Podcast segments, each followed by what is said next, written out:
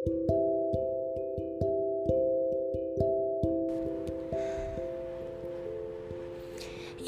tentang aku, kamu, dan langit.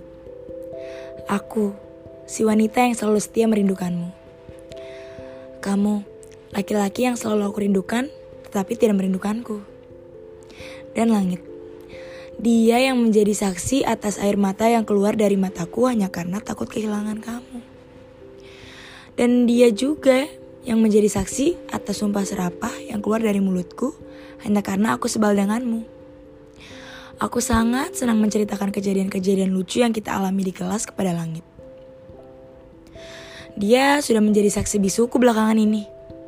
Mungkin sampai ia bosan mendengar namamu setiap harinya. Tetapi langit tidak pernah mengeluh seperti aku. Aku ingin menjadi langit.